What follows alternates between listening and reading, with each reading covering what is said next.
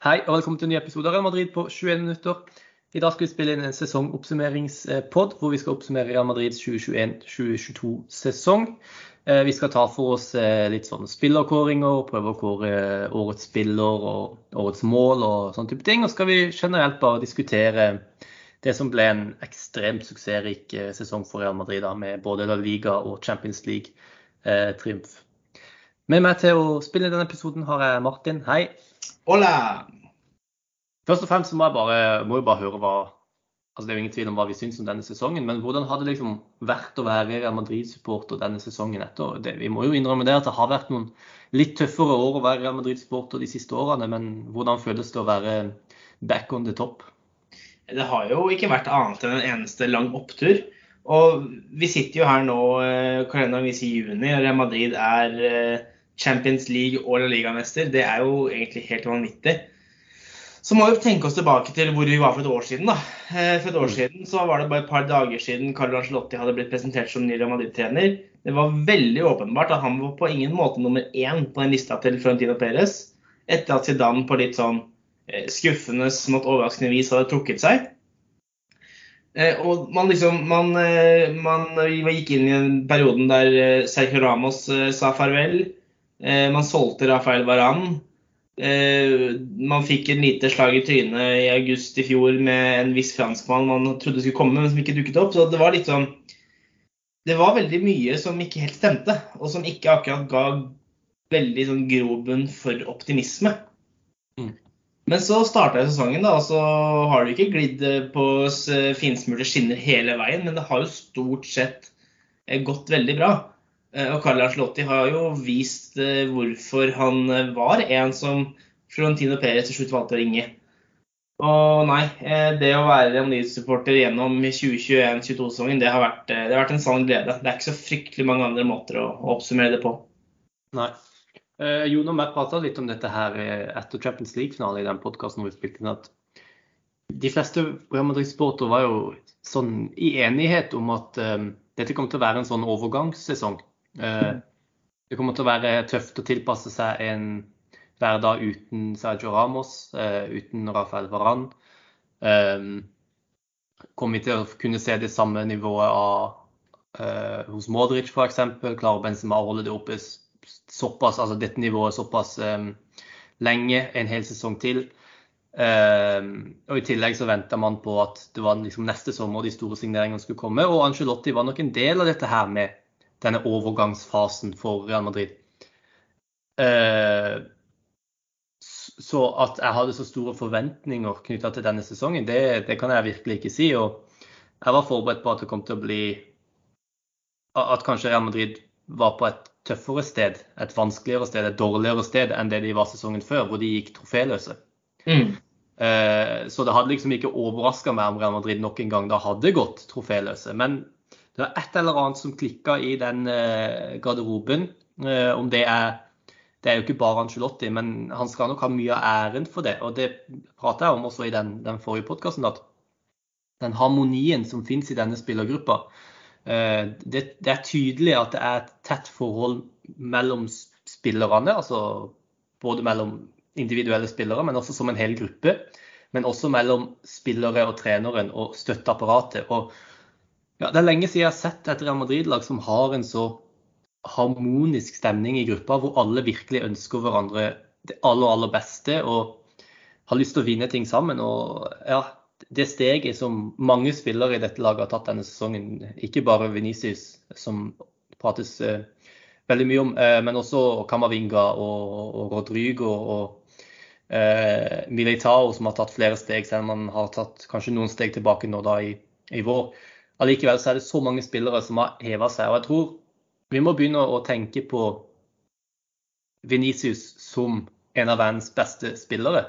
Så du så den eh, prisevalueringa som var, var, litt sånn rar den i går, da, men da hadde jo eh, Jeg husker ikke hvem det var, men det var en sånn nettside som jobber med dette her, som hadde Venicius som den nest mest verdifulle spilleren i verden. Mer verdifull enn Erling Braut Haaland, f.eks. Um, og jeg tenkte også litt på det med, med Rodrigo, at Real Madrid er så opptatt av å måtte hente en høyre kant nå. Men hadde Rodrigo spilt for et annet lag, så hadde vi vært fornøyd med at Real Madrid hadde henta Rodrigo. Skjønner, skjønner, du hva jeg mener? Mm. Og det gjør at eh, denne, altså de stegene som de spillerne har tatt denne sesongen, gjør at jeg er veldig optimistisk for, for tida videre. Da. Den unge kjernen i laget som vi har sett potensialet i, men som ikke helt har stått fram enda, gjorde det denne sesongen. Eh, og jeg tror det er det som er mye av årsaken til at, um, til at Real Madrid faktisk har gjort det de har gjort denne sesongen. Men skal vi prøve å, å kåre noen, eh, noen spillere og litt sånn kåre noen mål og, og sånn der, da? Vi kan jo kanskje begynne med den siste sesongens mål. Her har jeg faktisk skrevet ned noen kandidater. så Hvis du har noen andre kandidater, så kan du gjerne komme med de. Mm. Eh, men faktisk, det var skikkelig vanskelig fordi det var så mange fine mål. Um, men jeg har en liste her på ja, syv mål. Det første er Venicius Junior sitt eh, langskudd mot Sevilla eh, på Santiago Bernabeu, som jo var en veldig viktig skåring også. Det blir litt Venicius på denne lista, her, så det er bare å, bare å finne seg. Eh, målet sitt mot City på Etihad, da han eh, løp halve banelengden. Eh, tok tunnel på, eh, på Fernandinho og, og skårte La han rolig forbi sånn Og så er det det soloraidet også som Venicius hadde mot Sjakta eh, borte, som minner veldig om den Cristiano Ronaldo-skåringa hvor han dribler tre-fire spillere og setter ballen høyt over keeper. Benzema sitt langskudd eh, mot Atletic Club, Jeg vet ikke om du husker det? Ja. ja. Eh, Luka Modric sitt mål mot Real Sociedad, hvor han tar en sånn kroppsfinte. Eh, sender David Silva i pølsebua og ja, rolig med innsida eh, kontrollerer den ballen i lengste kryss. Alaba sitt langskudd etter en flott kontring mot Barcelona. Og så må jo man ha et Marco Ascencio-langskudd oppi det hele, og da valgte jeg det han hadde mot Inter i Champions League. Er det noen som mangler der? Altså, kanskje Benzema sin første heading mot Chelsea? Ja, det er, for, for, det første satt jeg og venta på den Ascencio-skåringa, så fin den kom på slutten. Mm. Eh, min første tanke når du spurte meg om å forberede deg, Christian, det var faktisk det med Sema Heidigan du snakker om. Mm. Eh, men så er det så veldig vanskelig å uh, finne balanse mellom uh, kvaliteten på målet og betydningen av målet. Men den er sånn Den ser kanskje sånn med første øyekast og i normal fart ikke så spesiell ut, men den er så vanvittig vanskelig å utføre måten han bare legger den tilbake. Så jeg ville kanskje hatt den med der. Eh, og så er jeg glad for at du har med noen solide langskudd her, men jeg er jo litt svak for eh, langskudd, så jeg ville kanskje lagt en liten sak for å få med eh, Kamavinga sitt hjemme mot Real Sociedad. Men med de andre du har, den lista man har lagt, så er det kanskje greit å la den ligge. Ja, det er mye langskudd. Eh, de har jo hatt noen flotte sånne lagmål også.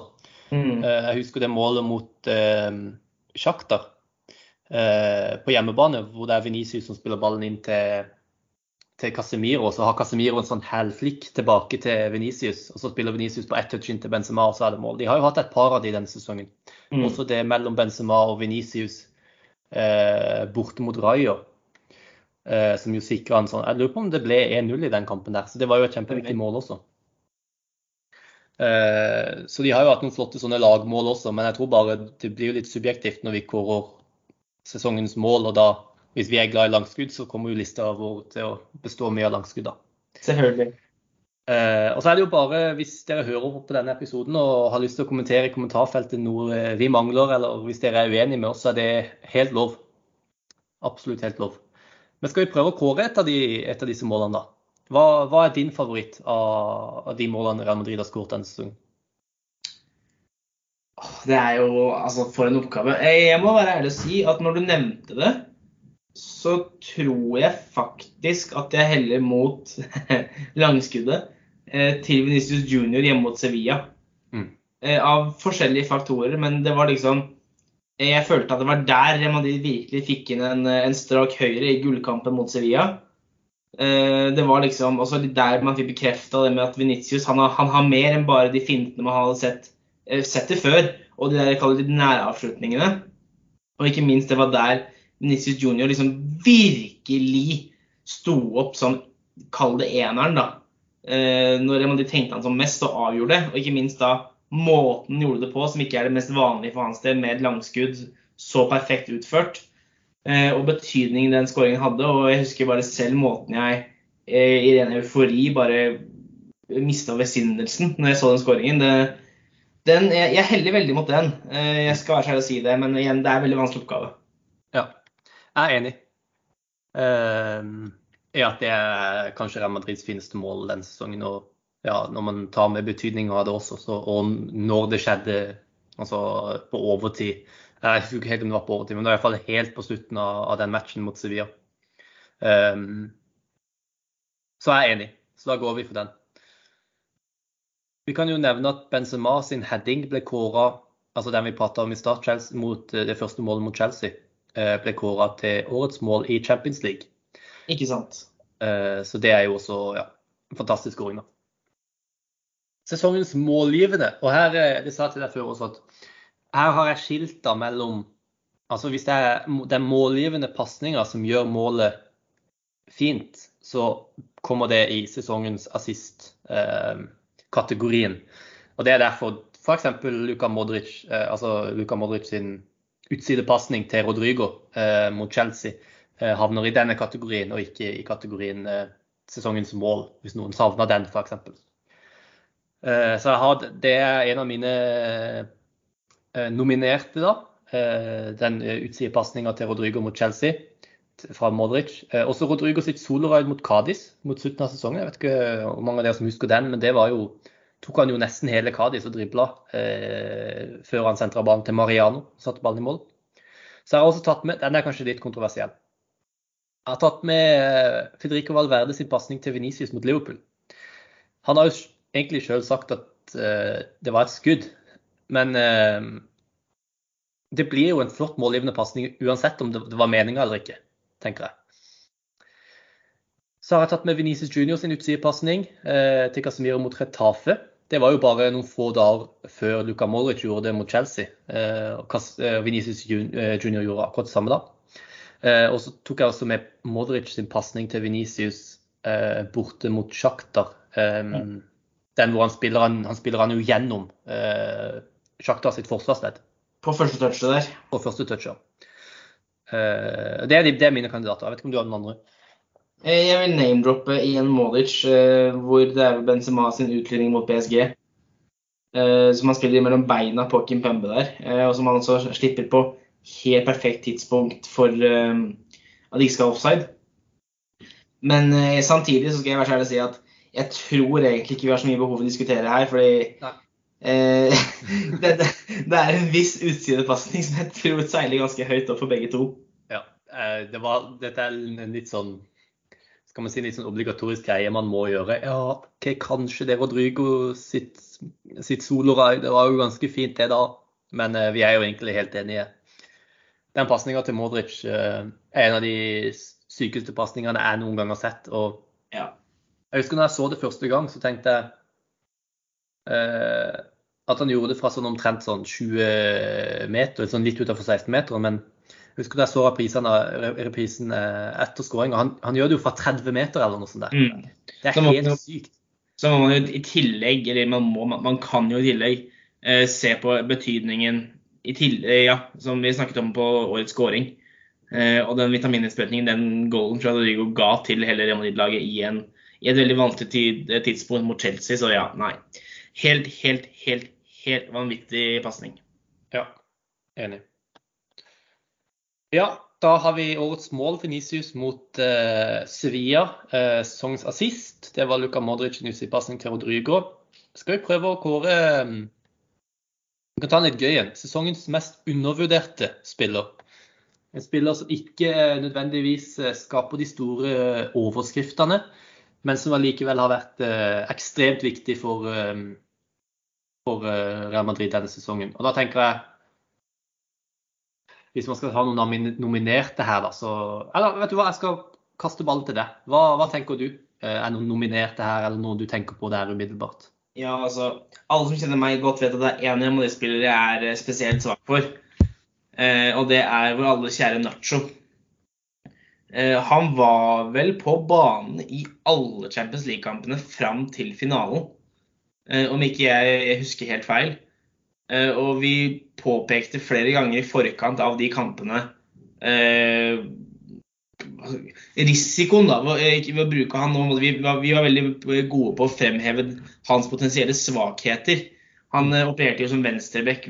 Var det mot City Nei, altså, ja. På Returoppgjøret mot PSG. Stemmer. Eh, og ja, han var venstreback der, og så, så skulle ikke stoppe, Så, ah, nei, ja, han er god som stopper, men ja, vi må ha noen som er god til å spille ut bakfra. og ja, Vi kommer til å savne Alaba. Vi har vært veldig gode på å trekke frem det hele veien. Og i de kampene der har han vært helt vanvittig god. Mm. Så kan vi ikke bare tenke Champions League, vi må tenke La Liga også. Eh, men det gjelder jo veldig mye av det samme der. altså Hver gang han har kommet inn, har han gjort en god figur. Eh, han skåra jo i tillegg i den viktige snuoperasjonen borte mot Sevilla som vi vel kalte var spikeren i kista. Mm. Eh, nå har det vist seg at hver gang Nacho skårer mot Sevilla, så vinner han i Champions League, og det klarte vi å fullføre denne sesongen her også. Ja. Eh, så altså, jeg syns det er vanskelig at en sånn tittel ikke skal gå til han. for det er sånn, Han kunne nesten hatt undervurdert bak på drakta istedenfor Nacho, for det, det, passer han så godt. Men hvis man skal name-droppe andre, eh, kanskje undervurdert ikke er riktig begrep, men jeg, jeg lar meg alltid fascinere av spillere som blir sittende på benken i veldig veldig lang tid, eh, og så kommer inn og gjør en bunnprofesjonell og god jobb og måtte vise at man har holdt seg i toppform. Og Da kan man trekke inn eksempelvis Jesus Vallejo, som jeg syns var overraskende solid i få, få kampene han fikk. Men jeg syns det er på sin plass å trekke fra navnet til Daniel Ceballos, som eh, var skada hele høsten og virkelig fikk tillit fra Slåtti på vårparten nå. Eh, ellers så har jo egentlig Ancelotti vært overraskende flink til å rotere på laget sitt, så jeg syns ikke så veldig mange andre blir da undervurderte. Kanskje annet enn Eduardo Camavinga, men jeg, jeg vil heller kvalifisere han som vurdert istedenfor undervurdert. Ja. Jeg tolker sesongens undervurderte som liksom har vært veldig viktig for laget, men ikke helt fått den oppmerksomheten han fortjener. Mm. Uh, og da tenker jeg umiddelbart på Tony Cross. Ja. Fordi jeg mener at uh, altså, han har fått opp overskrifter tidligere, det er det ingen tvil om. Men i år så har man liksom vært mer opptatt av å fokusere på de andre spillerne på laget. Og det, det er fair når du har Venezia som skårer så mange mål, Benzema og Modric og Courtois. Men eh, av en eller annen grunn så mener folk at Kaas har blitt dårligere denne sesongen enn det han har vært tidligere, men det har han ikke. Tallene sine er de, er de samme han er fortsatt verdens beste pasningsspiller. Og den eh, kampen også han spilte i finalen, er helt strålende. Ja, ja. Så, eh, derfor mener jeg kanskje at Tony Cross har vært eh, Real Madrids mest undervurderte i år. Rett og slett pga. det at han Mange har liksom begynt å jeg skjønner ikke det, kritisere han litt mer og avskrive han og at han, han er blitt for treig og sånn der. Eh, da misforstår man fullstendig hva slags spiller Tony Cross er. Um, selv om jeg samtidig ser argumentet for å ha litt mer løpskraft på midtbanen med, med Kammervinga og sånn, så vil jeg kanskje si for min, for min, del at det er Tony Cross. Ja, det, det var egentlig en ganske fin shout som jeg, jeg, ikke har tenkt mye på selv, og det underbygger jo bare argumentet ditt. Eh, som du er inne på, jeg skjønner jo til dels eh, argumentene folk har mot Cross, eh, og det kommer jo litt an på hvordan Madrid legger opp spillestilen sin for å dekke for svakhetene til spillerne i laget. Men eh, ja, har, vi har liksom vært flinke med rette til å hylle Luka Modic. Eh, vi har hatt våre perioder hvor vi har eh, kommet med gode doser skryt til Casemiro. Camavinga Verde og ja, som sagt Ceballos har fått sine doser. og Det meste har vel egentlig de fleste på laget. Vi har ikke snakka så mye om Cross. Så ja, jeg, jeg, støtter meg egentlig bak den. Jeg syns det var et fint forslag. Mm. Nacho også er veldig enig i, um, men jeg syns samtidig at han har vært litt svak til deler av sesongen. Ja, men, men kanskje vi skal gå for en delt en, da, mellom Nacho og Cross? Det er en løsning. Ja, da gjør vi det. OK, da tar vi den store til slutt. Sesongens spiller. Uh, er, det, er det i det hele tatt så mye å diskutere her? Jeg vet ikke, Noen vil jo kanskje si det. Jeg, mente, jeg så iallfall etter finalen at det var noen som faktisk mente at det var en diskusjon her. Men ja, det er jo tre kandidater. Det er Venicius, ja. det er Benzema og det er Courtois. Uh, og jeg mener at det er, rekkefølgen er Benzema, Courtois, Venicius. Men jeg har sett en del som har ment at Courtois kanskje har vært Real Madrids beste spiller i år. Uh, og at man glemmer det litt når Benzema skårer så mye mål. Men at uh, kanskje Courtois har vært like viktig i motsatt ende av banen, som det, altså på, i forsvarsevnen av banen, som det Benzema har vært lenger framme i banen. Hva, hva, tenker du om det? Er det noen diskusjon, eller er det, er det så soleklart at Benzema er sesongens spiller? Jeg syns ikke det er så soleklart. Eh, men det er jo eh, en, på grensen en skandale å ikke i år spiller til Karim Benzema. Jeg, jeg kjøper den. La, men la, la, oss si det sånn her. Hadde ikke Benzema skåret de målene han har gjort, en sånn her, så hadde ikke Madrid vunnet noen ting. Hadde ikke Courtois stått i mål som han har gjort, så hadde Real Madrid heller ikke vunnet noen ting. Eh, skulle jeg avgitt en formelt stemme på det her i dag, ti dager etter Champions League-tittelen, så hadde jeg stemt Thibaut Courtois. Grunnen ja. til det er Champions League-finalen. Det er faktisk, Jeg er så simpel som det. Hvis man setter Benzema opp mot Courtois sin prestasjon der, den prestasjonen til Courtois er beste prestasjonen i en Champions League-finale på mangfoldige år. Og for meg blir det tvunget på en ekstremt jevn vektskåle.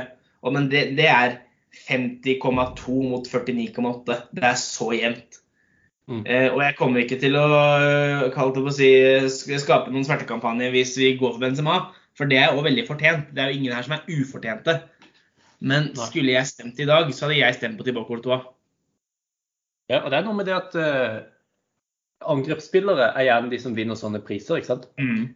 Eh, altså, Ballon d'Or også. Siste forsvarsspiller som vant en Ballon d'Or, var jo Canavaro i 2006. Stemmer. Eneste keeper til å noen gang vinne var jo eh, Lev Yashin på sånn, jeg vet ikke om han spilte sånn 60-tallet. Stemmer. Uh, så det er jo vanlig at man gir angrepsspillere sånne priser. og selv om jeg syns det burde være mer uh, jevnt fordelt når det kommer til forsvarsspillere, midtbanespillere og sånn der, så mener jeg allikevel at den sesongen Benzema har levert i år, er en av de beste sesongene vi har sett når Real Madrid spiller eh, på lenge. Dette her, han, han, leverer egentlig nærmest Cristiano Ronaldo-tall. Eh, spesielt det han gjør i Champions League, er jo helt hinsides. Skårer ti mål på fem sluttspillskamper. Mm.